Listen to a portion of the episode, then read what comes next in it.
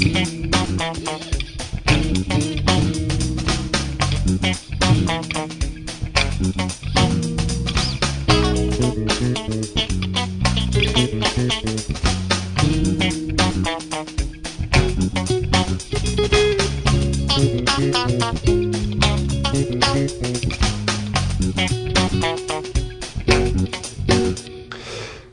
dum ses estis viaj eh, bravaj komencoj, ĉar eh, dum ses vi estis malkovrita kiel kantisto, kiu vere kapablas ne nur prezentiĝi sur scenejo, sed vere influi la publikon. Yes, mia unua concerto estis de dum ses du mil de kvar en Nitra. Mia unua concerto Esperanta mi. Jam post la unua ses, kie mi estis jaron antaŭe, mi penso, ege shatus mi esti esperanta cantisto, char mi ege shatas la homa in killo pogo, kun kiui mi cantis kai ludis amu min dum la internazia vespero, tio versio estas ce YouTube sub la titolo Esperanto havas talenton. Mi ne scias kiu metis tion titolon, mi ne. Tio ne estis mia ideo. Ĉar mi ne tion farus, tio sonas tre fanfaronebla. Sed eh, ni tie cantis kaj ludis la kanton cune mi tre fieris pri tio, ĉar ili estis unua Esperanta grupo kiun mi aŭskultis kaj jes, do estis vere bona afero. Ilia muziko estas transdono de sentoj. Mhm, -hmm. yes, de mi demandis ilin, ĉu ili volas kun mi eh, fari tion kanton. Yes, yes, kompreneble, yes, kun hentio mi parolis. Kaj tio vere bonis, kaj la akordoj mi sen io keyboarda akompanado mi faris mi en la pensoj mi pensis pri la akordoj kaj yes, pro tio mi povis diri al ili A minoro Fo maioro, Go maioro, E minoro, kai nur tiel. Kai ce la fino estas io eh, maioro, au duro maioro. Yes, mi tre shatis la kun laboradon kun ili. Kiu inventis la pseudonomon Lalai Lama? Mi, char mi ofte cantas en la refrenoi popoleca iom tiuj lai lai lai lai. Lai lai lai lai. Lai lai lai lai lai lai lai lai. Au au io alia canto simila. La la la la la la la la pro tio mi iam en ŝtorko jes faris tio jes mi estas la lalaj lama. Kaj via plej ŝatata komponaĵo, ĉu vi havas tiun? La plej ŝatata? Oj, eh, dum la izoliĝo mi komponis kelkajn. Unu estis vokante, mi havis esperantan strofon kaj anglan strofon por la homoj kiuj ne komprenas. Kaj tiu kanto estas vere grava kaj verda fabelo malnova canto de 2017, 2018 de mia unua disco kun la texto de Halina Kuropatnicka Salamon el Wroclawo au forgesita dialogo anco sia texto parolado inter Ludovico kai sia patrino kiam li inventis la lingvon kai eh, la dialogo inter ili la protio halkadis es forgesita eh, mi pensas ke tio dialogo ne vere existis ke tio es ai ludovicio ai mia fileto kiel ne facile via vojo sed ne timu mia patrineto mi mi hodiaŭ kantos che ĝuste Halina, Kie vi ekkonis ŝin? Ĉe kongreso por blinduloj en Nitra 2016 post la UK, post la tro plena UK. Ĉar tie estis bona, sed multe da homoj kaj jes kaj poste estis la ICBE internacia kongreso de blindaj esperantistoj. Ŝi estis tie kaj mi estis tie kaj um, jes tiam ni renkontiĝis unuan fojon. Ĉar estis tre interesa mi vidis kvazaŭ spektaklon, ne nur koncertojn de Kaŝi, kiam estis Halina kaj prezentis siajn poemojn kaj vi kantis ankaŭ ŝiajn tekstojn. Yes. Vi komponis muzikon al? Yes, mi komponis kai componas muzikon al tio. Mi havas iun novan canton kiu ankoraŭ ne pretas, set iam ni faris kanton kune, kion mi ancora ege shatas, Varsovio staras nune en lilakoj. Tio estas canto origina de Udo Jürgens kai ni faris kune esperantan texton, kun iom alia fino char ni volis havi ion bonan finon tio ne estis en la origina Malmultaj scias che Kashi vere bone regas la polan lingvon. Może być. Jes, do mi ege ŝatas in cultura kulturojn, muzikon, pro tio ankaŭ mi ofte tiuj lajlaj kaj similaj stiloj enmetas mian muzikon. De Halina mi lernis kai lernas ankoraŭ la polan lingvon ekde ses jarojn. Kia estas kashi en normalaj cirkonstancoj? Kashi estas um, lingvo frenesulo, musica frenesulo. laboras kiel muzikisto en laborejo de handicapuloj kie ni cantas kaj ludas uh, ni havas diversajn grupojn mi loĝas kun um, ehm, aliaj blindaj homoj kaj apenaŭ vidantoj es, mi ege ŝatas esti tie. Kaj kiel aspektas ordinara vespero ĉe vi? Oh, sidante ce computilo, auscultante ion, mangiante, parolante cun eh, Halina au aliai, parto prenas la canto paradoin de Heinz, mi ege shatas tion au mi eh, de tempo al tempo eh, anco visitas nian Esperanto asocion Hamburgan. Kaj via grupo muzika mi aŭdis ion ke vi ludas kun iu loka muzika grupo? Yes, tio esas ankaŭ en la interreto The Living Music Box kaj mi estas en alia grupo ankaŭ en Dortmundo, la dancorkestro Pashulke Tio estas iom balkaneca kun iu inventita lingvo de mi kiu sonas iu balkaneca sed Mi shatas inventi spontaneajn lingvojn. Mhm, Exemple. No kote ce jam acade sam branaci kai antedeci kai ane kai an cinta ne kata kai. Mi spontane tion faras. to se ju elvi e comprenis kion di kaŝi antaŭ momento, bonvolu informi min. Estas iu el nia redakcio Gosia, kiu ju Iam ec audis vin la unuan foion ec ploris eh, dum eh, cantado de Anna Maria. Do ni provocu sin ec canto unu strofon de Anna Maria eble non. Speciale, speciale por Gosia, de la ciebie. Smutne oczy, piękne oczy, smutne usta, bez uśmiechu. Widzę co dzień ją z daleka stoi w oknie, aż do zmierzchu Anna Maria. I tak dalej. Tak jest. Kio inspiras vin por krei la muzikon kaj verki la tekstojn? Mi pensas che de tempo al tempo ec estas tiel che se iu estas trista, sentas sin trista, faras la plei bonan cantoin, imagu sola de kimo. Do tio estas anca eh, bona exemplo. Mi faris canton slav amanto frenesa estas mi, do pri la lingvoi cae la culturoi cae la homoi. Do tio estas la temoi. Mm. Eble planoi por futuro? Nova disco, au io tia, kie ni povos vidi, ausculti vin? Do mi havas kanalon sur YouTube pe, sub mia normala nomo Karsten kun co Karsten Schnathorst. Do tio estas co aro soton eno so co ho no ato ho o ro soto. Kaj tie estas kelkaj kantoj de mi novaj kaj malnovaj kaj de la diskoj. Mi ŝatus ege fari novan diskon, sed mi tion devus eh, paroli pri tio kun miaj kunlaborantoj. Kiam da jaroj vi havis, kiam vi unue kantis? O, tio estas uh, eh, interesa demando, char mi jam malgranda knabeto estis kun tre alta voĉo kaj mi Mi ne scias kiam, sed muziko jam tre frue mi ŝategis muzikon. Kiam mi ekzemple havis mian unuan tagon en la internejo, kie mi logis kiel infano dum lerneiai jaroi. Do estis mia unua tago, kai mi um, iris stuparon, kai eh, radio ludis, kai estis la canto Juliet de Robin Gibb. Kai mi audis, kai mi comencis Juliet, oh Juliet, na na na na na na na na na.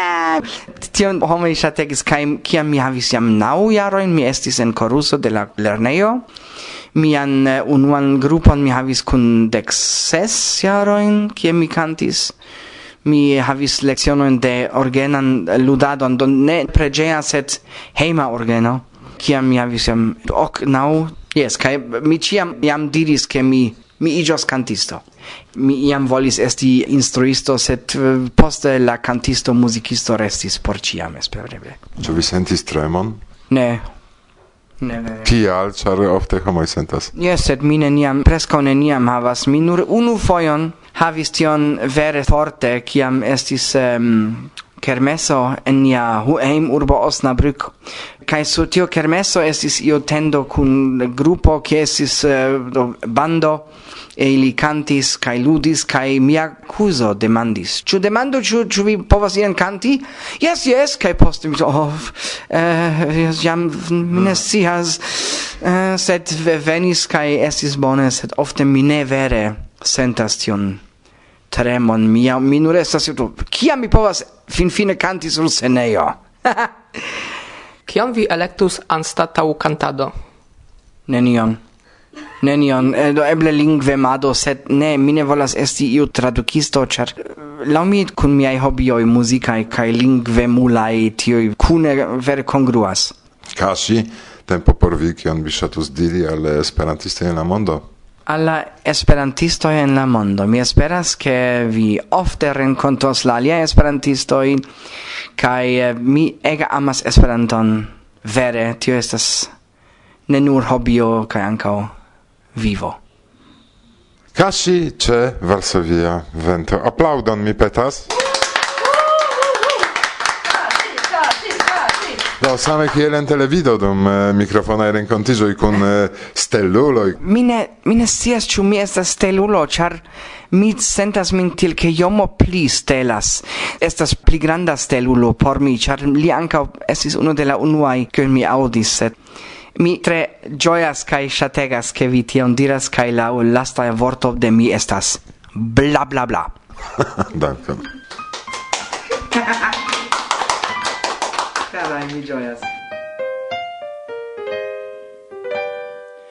Eble nur etajon, eble miraclajon, mia charmolino carega donazzo gi al vi, povas esti floro, povas esti coro, Char in aeroplei eta ec fermigas. Vi Povas esti tuŝo, povas esti buŝo Por vi daŭrus senĉese en mia desir Kaj vingara du mia am.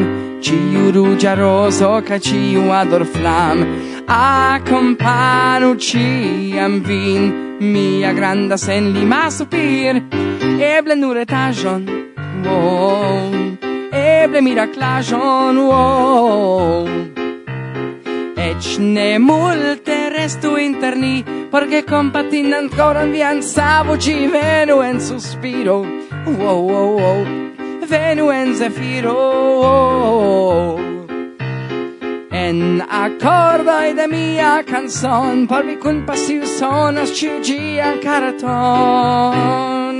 Eble nur bracumon, eble oculumon, mia charmolino carega donazzoci al mi kai vinegare do mia am. Ciu rugia roso ca ciu ador flam accompano ci am vin. A mia granda sen lima sopir eble nur etajon wow.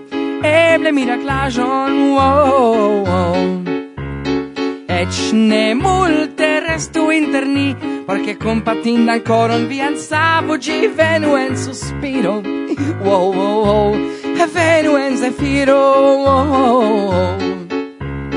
Ec n'accordoi de mia canzon Por mi con passio sonas ciu gia caraton Ciu gia caraton Venu en suspiro Wow, oh, oh. Venu en zefiro Wow, wow en accordoi de mia canzon por vi kun pasio sonas ciu cia ton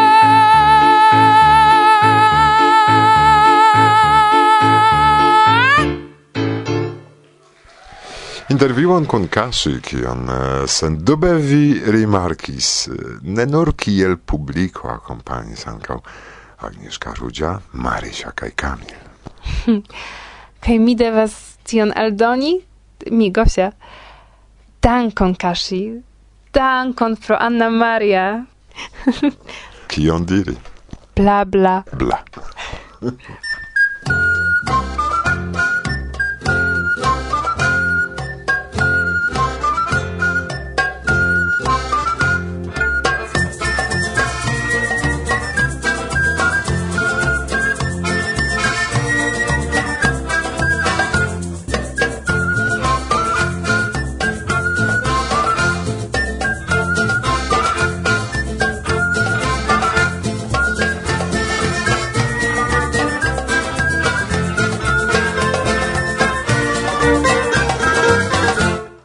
Varsovia vento.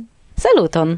Irek kun Gosia en conduce presentigis ne gis fino contentai pro longeco de libertempo, sed mi ne plendas. Despli, che quancam anca mine sentas min vere sata, feriomado somera kun monato evidentigis interesa aventuro. Ne nur pro la enhavo de la revuo mem, kiun sen premo de ciu tagai devoi mi povis legi dum la momento kiam mi ne sciis kion fari. Kai kvankam ne ofte mi enuigis, tamen dum vesperoi inter geamicoi, kiam la mojosa etoso de comuna ludo ancora ne creigis, mi shatis sidi cun monato angule kai ec coni artikolon post artikolo. Mi menciis, ke tio igis ancao aventuro. Imagu min en montara shirmeio, kie ciam aperas homoi cun dorsosakoi, kiui ne nur serĉas tranokton, sed ancau lokon, kie oni povas lasi bagażoin por ke poste, dum kelkaj tagoj, circau iru la proximain turismain vojoin tra montopintoi kai valoi, kai imagu min en comuna salono vespere, kun monato inter homoi, kiuj ne konas Esperanton. Kiel vi pensas? Pri kio ili demandis, kiam vidis min kun iu stranga revuo en manoj? Ĝuste. Evidentigis ke Monato servas kiel bona ilo verki interesiĝon pri Esperanto. Kai, se mi estu sincera, ne nur pri la lingvo mem. Demandoj celis ancau la enhavon. Post klarigo, ke la articoloi estas verkataj de esperantistoj el la tuta mondo, kiui de proxima rakontas pri multaj aferoj, interesigio grandigis. Cutime mi racontadis pri actuale legata articolo. Sekvis discuto, mi presentis la enhavon, homoi serĉadis interesan temon, denove discuto. En iu momento ciam iu demandis pri la lingvo. Kai tiam, compreneble. mi sentis min kiel fisho en aquo, sperta pro multaj informaj rencontigioi, cifoje pli plezure, char ne en iu clas chambro, sed inter geamicoi, novei geamicoi en montaro, ce biero au alia bongusta alcoholaro. Mi memoras, che dum iu vespero ni parolis pri vaccinoi pro articolo Kiom da vero pri moronoa vaccinoi contrau cancero? Kai en la rondo estis studento, kiu presentigis contrau vaccinulo.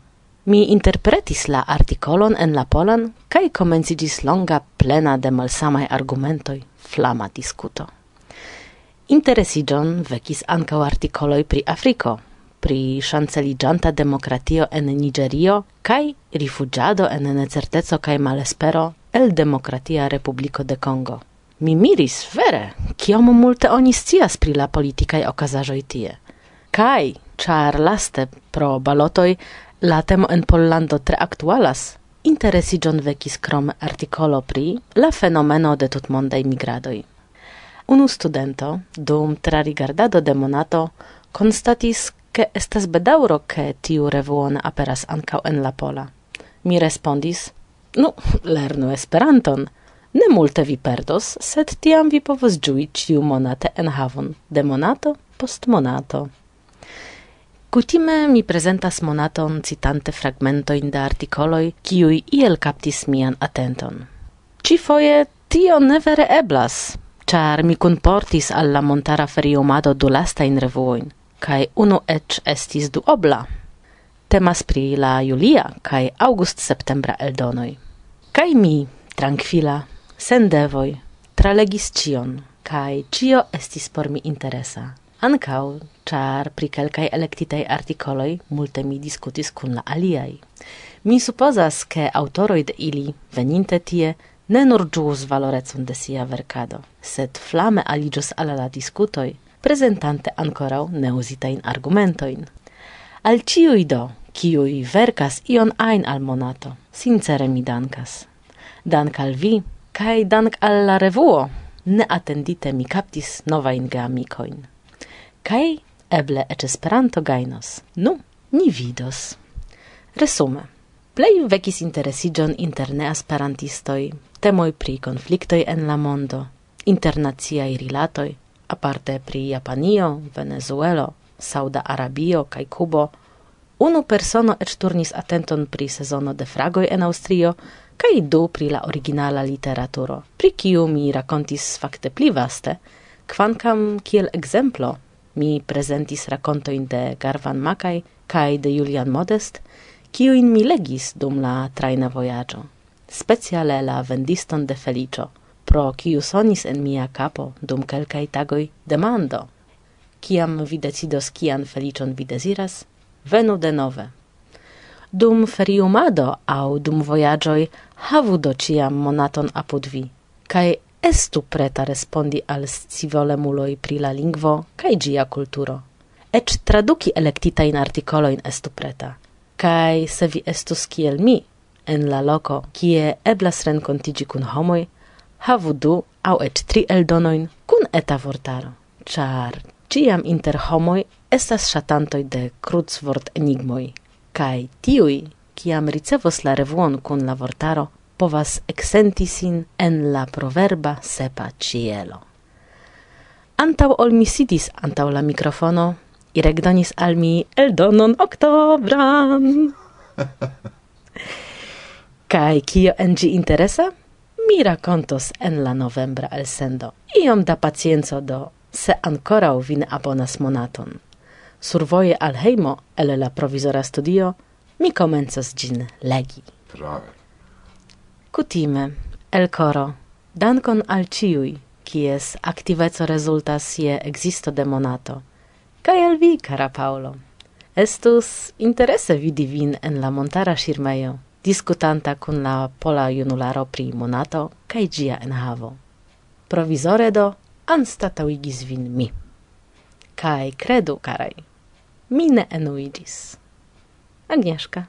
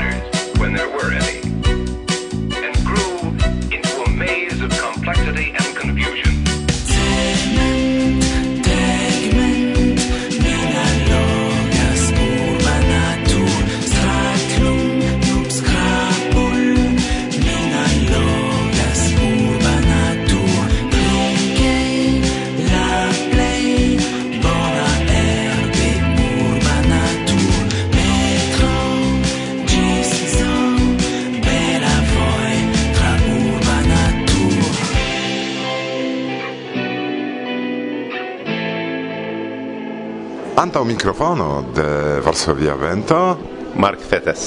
Kiel vi fartas en eh, Poznań dum la tridek sepaj artaj konfrontoj en Esperanto? Por mi estis tre grable, tio venis uh, fine de semajno sufiĉe intensa, kiam mi gvidis kurson en la interlingvistikaj studoj en la universitato ĉi tie. Kai compreneble tio estas ankaŭ plezura laboro. Mi ne ofte havas okazon nun tempe prelegi pri Esperanto kaj mi devis fari dek prelegojn sinsekve tra la semajno kun internacia studentaro do tio estis agrabla laboro tamen por mi kiam venis la semajnfino kaj komenciĝis arkones tio estis ankaŭ iu speca feritempo por mi ĉu ne? Ia pauzo post tiu intensa akademia laboro. Ah, kiam oni vidas nomon Mark Peters oni pensas ah tiu de UEA ah, kiu estas grava.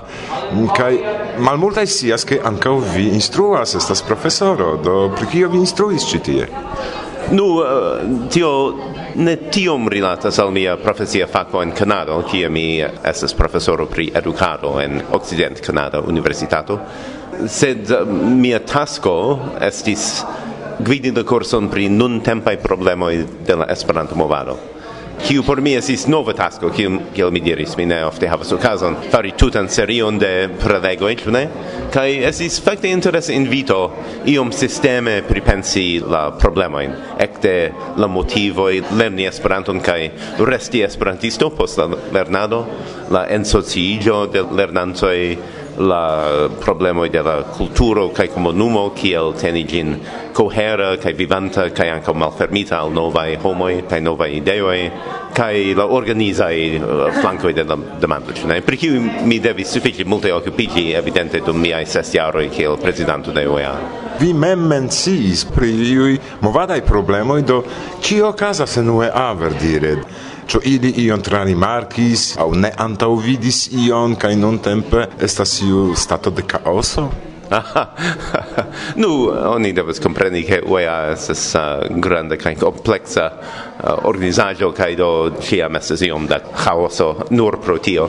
Uh, mi devas clarigi ke uh, post mia ex-presidentigio en deknaŭ, 2010, Mi restis en comitato ancora tri jaroin, kiel simple comitatano, sed ne plu havas tiun rolon en UEA, do ti momente mia sola rolo en la asocio estes kiel direktoro de la Centro de Esploro kaj Dokumentado pri Mondaj Lingvaj Problemoj, do iu sense la esplora faco de UEA Kaj en tiu rolo mine tiom recte emplektiĝas en la ĝeneralaj uh, demandoj de la direkto de UEA, Uh, mia rolis uh, exemple in la transdono de biblioteca Hadler al la Pola Nazia Biblioteca, char tio iu sense appartenis al la terreno de CED.